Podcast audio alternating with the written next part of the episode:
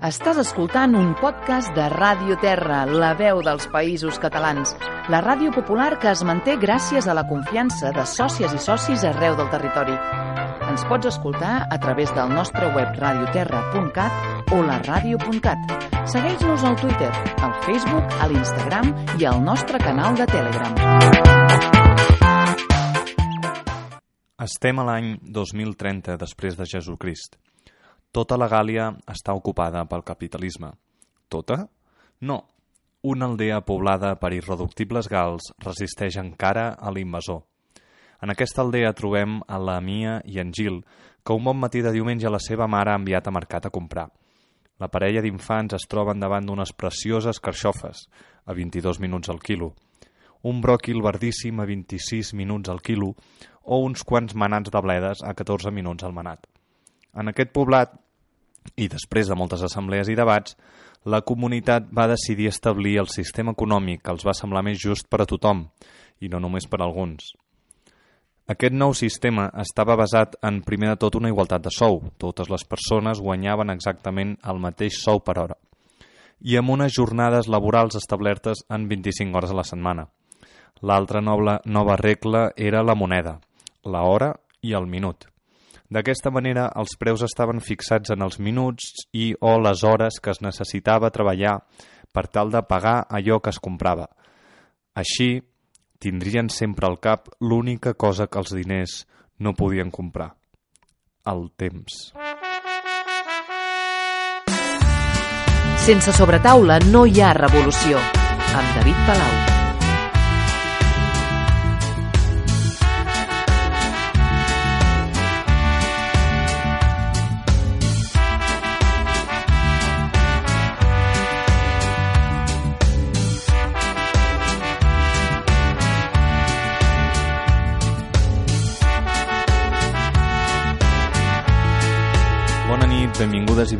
Benvinguts al programa Sense sobretaula no hi ha revolució de Ràdio Terra. Qui us parla és en David Palau i durant la propera mitja hora farem filosofia de guerrilla, pensant, menjant i bevent, encenent consciències des de la taula, perquè sense sobretaula no hi ha revolució. Comencem amb l'efemèride del programa, i és que avui dimarts 15 de gener fa 90 anys del naixement de Martin Luther King, incansable lluitador contra el racisme, contra la injustícia, desobedient de mena, avui en dia que aquest concepte està tan a debat. Un autor que avui recordem per mirar de mantenir viva la flama del seu somni. Avui fem un programa sobre el valor del temps, sobre el valor de la vida. Avui, després d'unes setmanes tan consumistes, fem un programa sobre la llibertat que ens roba l'avarícia del consum, de les possessions materials.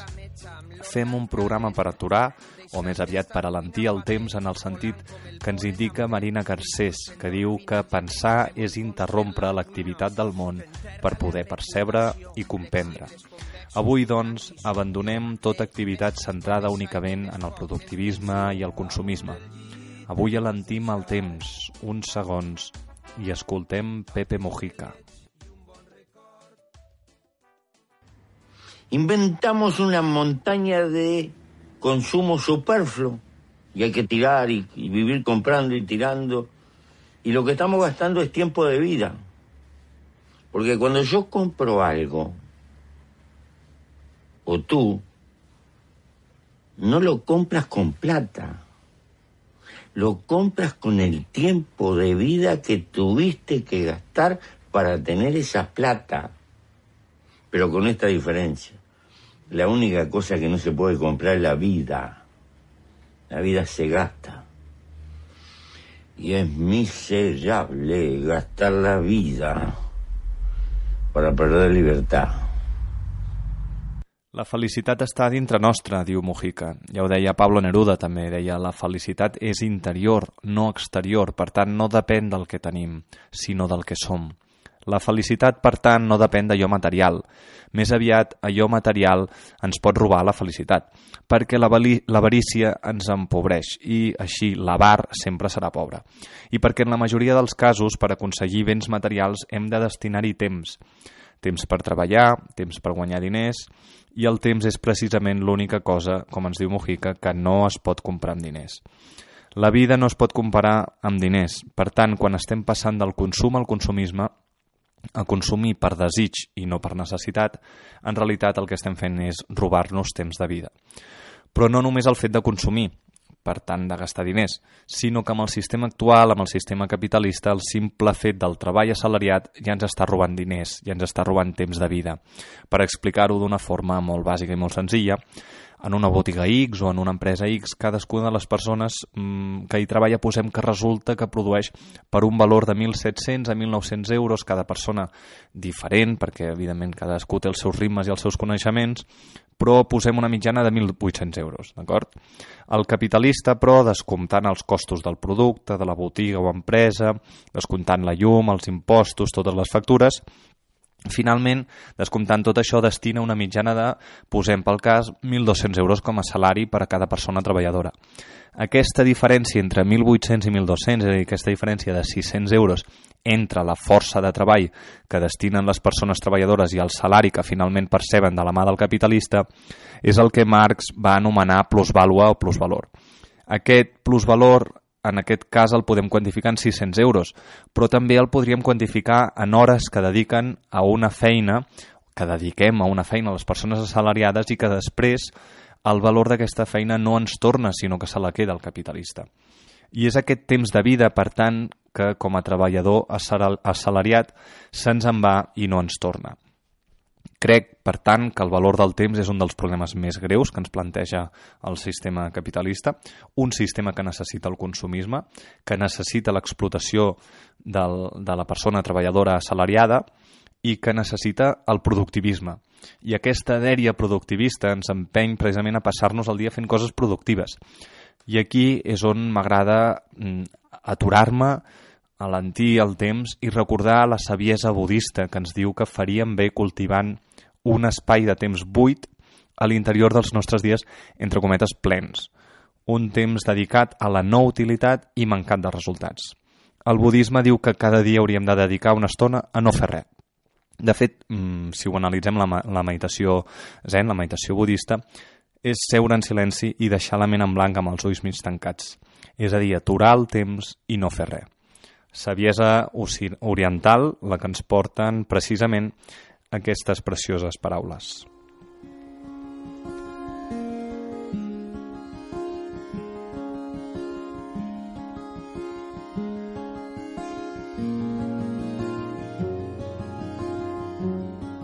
El geni, alliberat de la seva làmpada, li digué al pescador «Demana tres desitjos i jo te'ls donaré. Quin és el primer desig?» Després de pensar una estona, digué el pescador M'agradaria que em fessis prou intel·ligent per fer una elecció perfecta dels altres dos desitjos. Fet, digué el geni. I ara, quins són els altres desitjos? El pescador medità de nou durant un moment i contestà. Gràcies, no tinc més desitjos. Conta Sofí.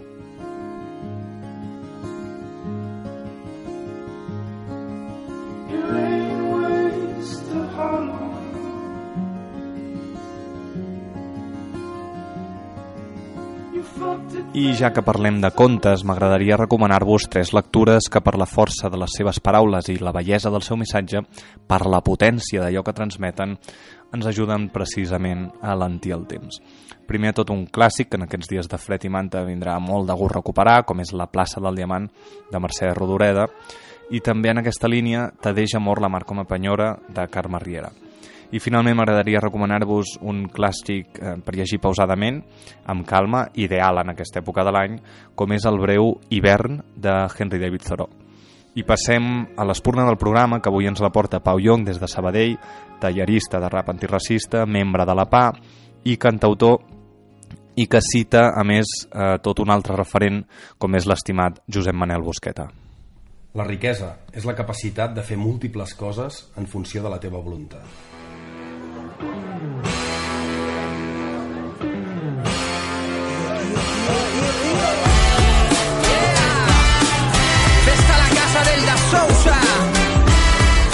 Atomic Studio. Plan B samplejant en la cresta. Tirant els looks i la casa per la finestra. Sí, futur obscur, idees clares. Fins a que ho Futur obscur, idees clares que ens diuen els valencians o, i amb aquestes idees clares arribem al tas del programa on tastarem com sempre un producte artesà sòlid i un producte artesà líquid. Tornem avui al món dels formatges i viatgem fins a València d'Àneu, al Pallars Sobirà, per trobar-nos amb la Moni, el Pepe i el Joan de la formatgeria Girola de Casa Metó. Insisteixo en el valor de posar persones concretes i llocs concrets al davant dels productes artesans, fet vi vital que ho diferencia dels productes industrials i que ens apropa a la sobirania alimentària. Des de la formatgeria Girola, Girola han recuperat una raça autòctona de cabres, com és la cabra pirinenca, en perill d'extinció, i amb un ramat propi d'uns 100 caps de bestiar recullen la seva pròpia llet i elaboren el seu propi formatge. Una característica a destacar és que fan tota la producció adaptada al cicle natural del ramat, Uh, això vol dir que uh, tenen una lactància curta i que s'inicia a principis d'any i que aquesta lactància finalitza a la primavera, moment en què les neus de l'hivern cedeixen el pas a la pastura d'alta muntanya i moment en el que, en el seu cas concret, porten el ramat fins a una preciosa zona eh, del, dintre del Parc Nacional d'Aigües Tortes com és el, el, llac del, el llac Jarber. I encara més una cosa a destacar és que la Moni forma part de Ramaderes de Catalunya, un grup de dones, un col·lectiu que fan ramaderia extensiva o semiextensiva, com el cas de, de la Mònica i els seus dos companys, que s'agrupa territorialment dintre l'àmbit de Catalunya per donar-se suport mutu, compartir coneixements i inquietuds i, en definitiva, enfortir-se col·lectivament. Allò que ens deia Gramsci d'instruir-se, emocionar-se i organitzar-se. Tastem el seu torre blanca, que hem tret de la nevera una estona abans perquè no fos tan fred. Mirem amb detall el formatge, imprescindible mirar allò que mengem. Això sembla molt evident. En aquest cas concret veiem que el tall és un tall llis, compacte i de color blanc. L'olorem, això, insisteixo, sovint no és tan evident amb, el, amb els productes artesans que tastem, però és imprescindible. Olorem-lo amb calma, i finalment ens el fiquem a la boca i deixem que les dents facin vacances i que sigui la nostra llengua la que vagi passejant el formatge i deixant que aquest es fongui tranquil·lament per la nostra boca. Mentre el tasteu, recordeu que avui estem parlant del valor del temps i escolteu algunes espurnes, com aquest preciós poema que ens porta Montserrat Abelló, que es diu El blat del temps.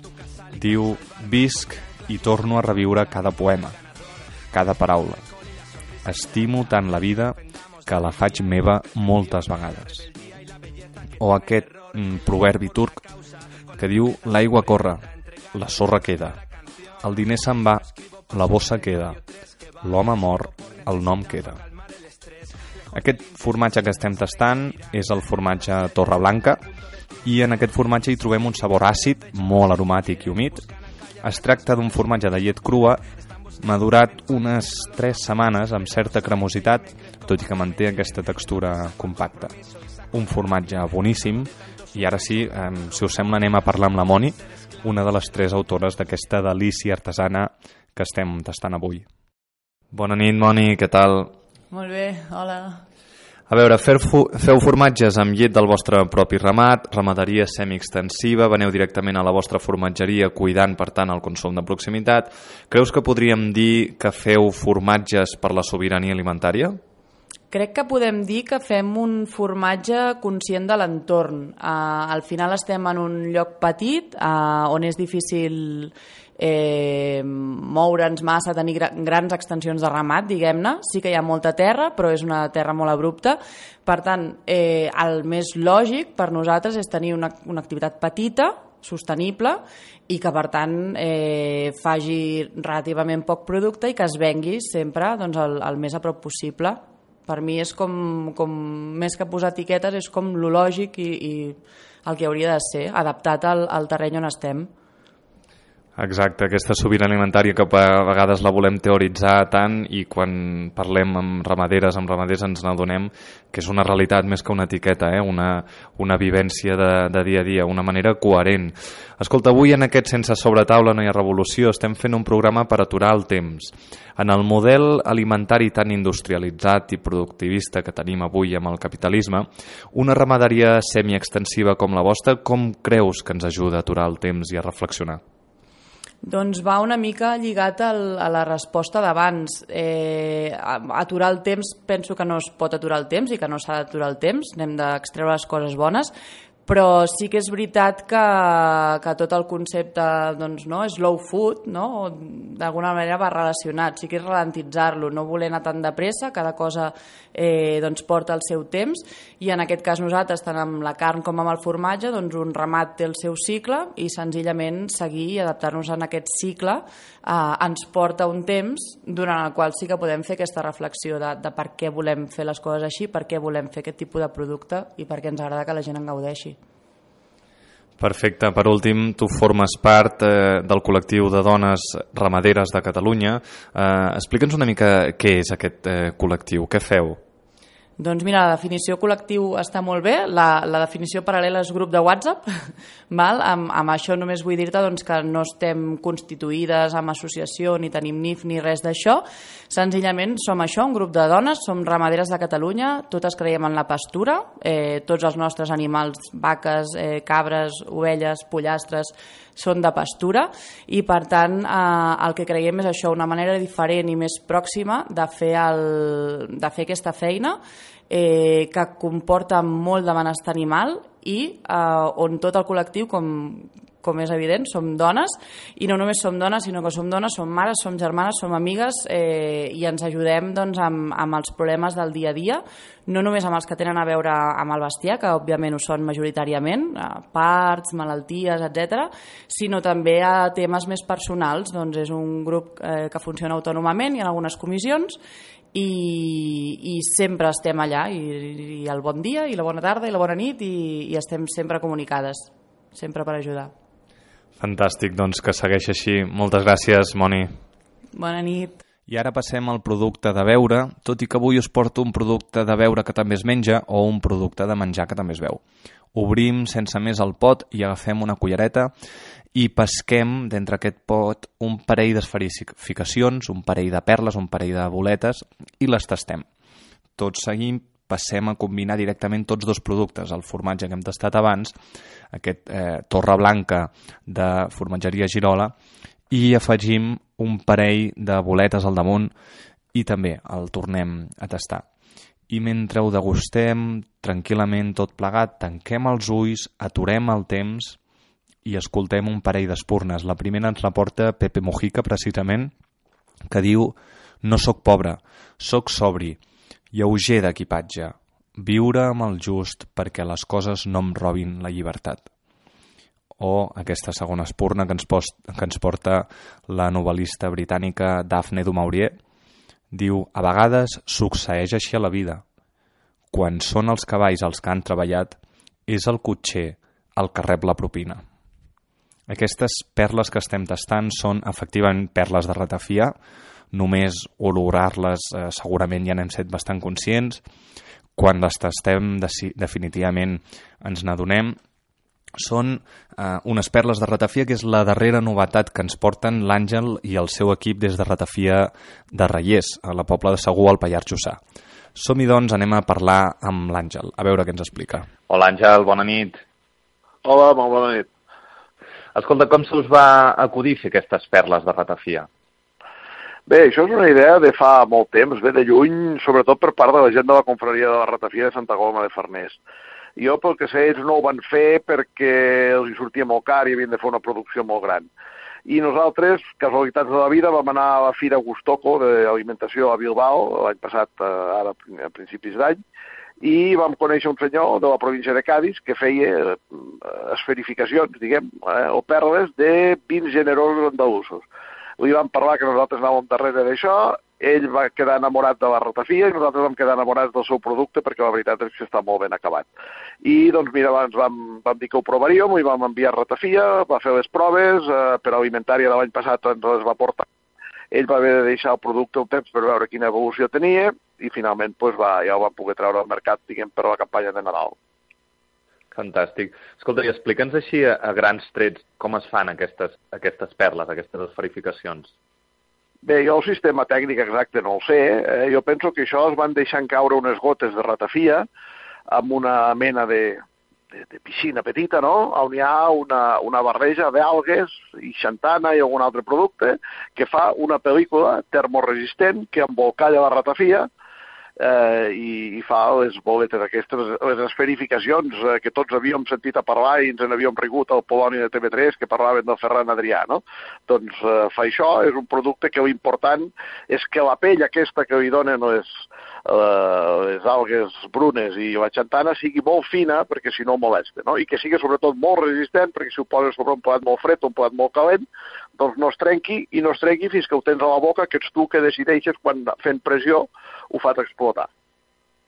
Exacte. Eh, com bé dius, això és una tècnica que es va inventar Ferran Adrià fa moltíssims anys al Bulli, a base de xantana, i que fan aquestes eh, parletes, eh, aquestes boletes.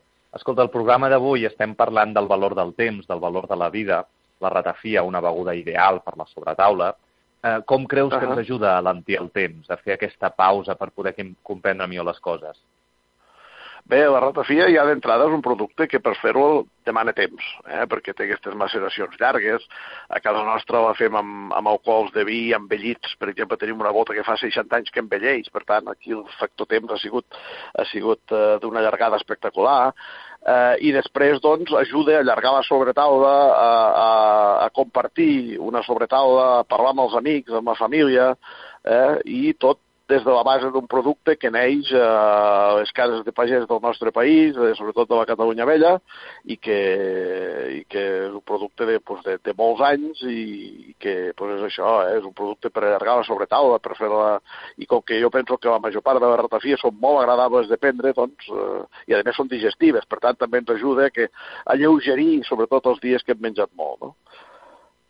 I molt agradables de prendre tot l'any, eh? perquè hi ha aquesta, aquesta cosa que com que la ratafia s'acaba al novembre, no, es fa precisament per aquestes festes, que segur que heu notat un consum més alt, però sí. un producte mm, atemporal, eh? un producte de tot l'any, sí?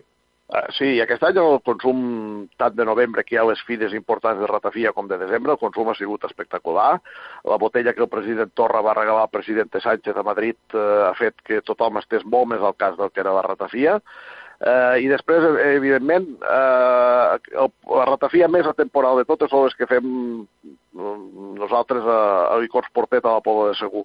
I per què dic això? Perquè a casa el meu pare va inventar un sistema, o va idear un sistema, de fer la ratafia com un assemblage, que diuen els francesos, de diferents macerats i destilats de plantes, herbes, etc. i fruites. Llavors nosaltres podem fer ratafia tot l'any.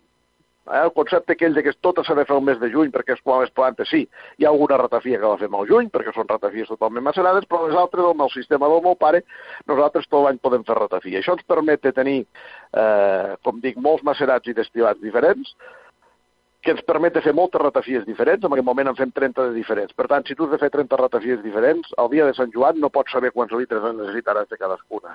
Llavors, amb aquest sistema de que tenim tots els components separats, el dia que, se, que se'ns acaba una ratafia, podem fer-ne una altra perquè ho tenim tot a punt per tornar-ho a fer. Llavors, és quan la ratafia adquireix aquest component de tot l'any. Sí que és veritat que la tradició diu que la ratafia es fa per Sant Joan, es cola el mes d'agost i es veu pels torrons o pels panellets, eh, a la tardor o principis d'hivern, mm, però eh, és un producte que jo penso que ens hem d'anar acostumant a que serveix per tot l'any, ens hem d'anar acostumant que la ratafia serveix per posar amb gelats, serveix per posar amb torrons, serveix per posar amb galetes, serveix per rentar formatges, per posar en formatges com el formatge de tupí, o també serveix, per exemple, per fer, per fer perles de ratafia, que és un producte que podem també tenir tot l'any, que combina igual amb plats dolços com salats, amb plats, plats frescs com calents, eh, que jo penso que en aquest moment, amb licors, i a nivell així, diguem, industrial o semi-industrial, perquè es pugui comprar a qualsevol botiga. Eh, no sé si hi ha cap altre licor que ho tingui, no només a Catalunya, sinó a l'estat espanyol.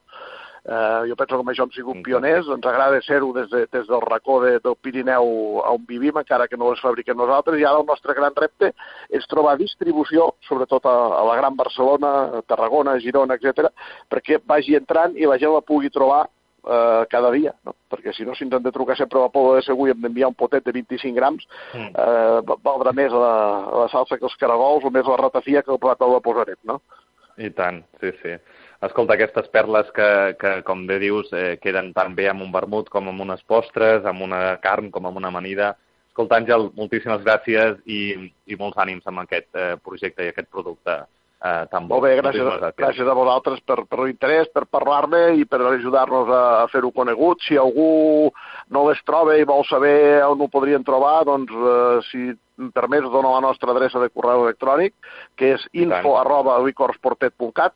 Si ens contacten aquí, els contestarem d'una manera o altra, eh, si no, el telèfon de casa, el 973 6801 32, els hi direm on els poden trobar, per internet es poden trobar, per exemple, o els hi enviarem nosaltres des de casa, d'una manera o altra ho farem. Moltíssimes gràcies, Àngel. Gràcies per la, per la promoció, per la informació. Que vagi molt bé. Bona nit. Molt bé, bona nit i moltes gràcies a vosaltres. Doncs fins aquí un programa en el que hem reflexionat sobre el valor del temps, el preu del consumisme i el productivisme i, com sempre, la sobirania alimentària i aquesta artesania o barbària. M'agradaria finalment recomanar-vos la sobretaula del programa, és a dir, un lloc que considero ideal per fer-hi un sobretaula tranquil, pausat i alegre. Anem en aquest cas fins a Ripoll, a la carretera entre Ripoll i Sant Joan de les, de les Abadeses més concretament, per trobar-nos amb el restaurant cooperatiu La Barricona, que, perquè veieu per on van els tiros, s'autodefineixen com traficants de menjar, amb un discurs molt potent de cooperativisme i sobirania alimentària, amb una imatge molt radical que no deixa ningú indiferent i amb un menjar excel·lent. Allà hi trobareu, per cert, les cerveses de la Calavera, que fan allà al costat, i que molt aviat portarem al programa. Això és Sense sobretaula no hi ha revolució, jo sóc en David Palau, esteu escoltant Ràdio Terra i si abans fèiem Saviesa Oriental, Ara tanquem el programa amb aquestes boniques paraules que ens porta la saviesa africana i amb una cançó des del Brasil, Beleza Pura, de Caetano Veloso, que comença justament amb una declaració d'intencions. Dinheiro Nao. Vosaltres, els europeus, teniu els rellotges, però nosaltres tenim el temps. Proverbi africà. Não me amarra dinheiro, não Mas formosura, dinheiro não. A pele escura, dinheiro não. A carne dura, dinheiro não. Moça preta do Curuzu, beleza pura, federação. Beleza pura, boca do rio. Beleza pura, dinheiro não essa preta começa a tratar do cabelo. É de se olhar toda a trama da trança, trança do cabelo.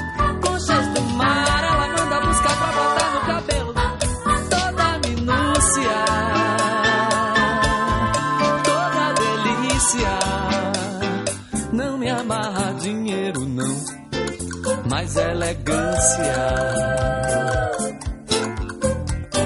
Não me amarra dinheiro, não, mas a cultura, dinheiro não. A pele escura, dinheiro não. A carne dura, dinheiro não. Moço lindo do Badawi, beleza pura do Leaie Beleza pura, dinheiro yeah. Beleza pura, dinheiro não. Dentro daquele turbante do filho de Gandhi. É o que há, tudo é chique demais, tudo é muito elegante. Manda botar fina palha da costa que tudo se transe.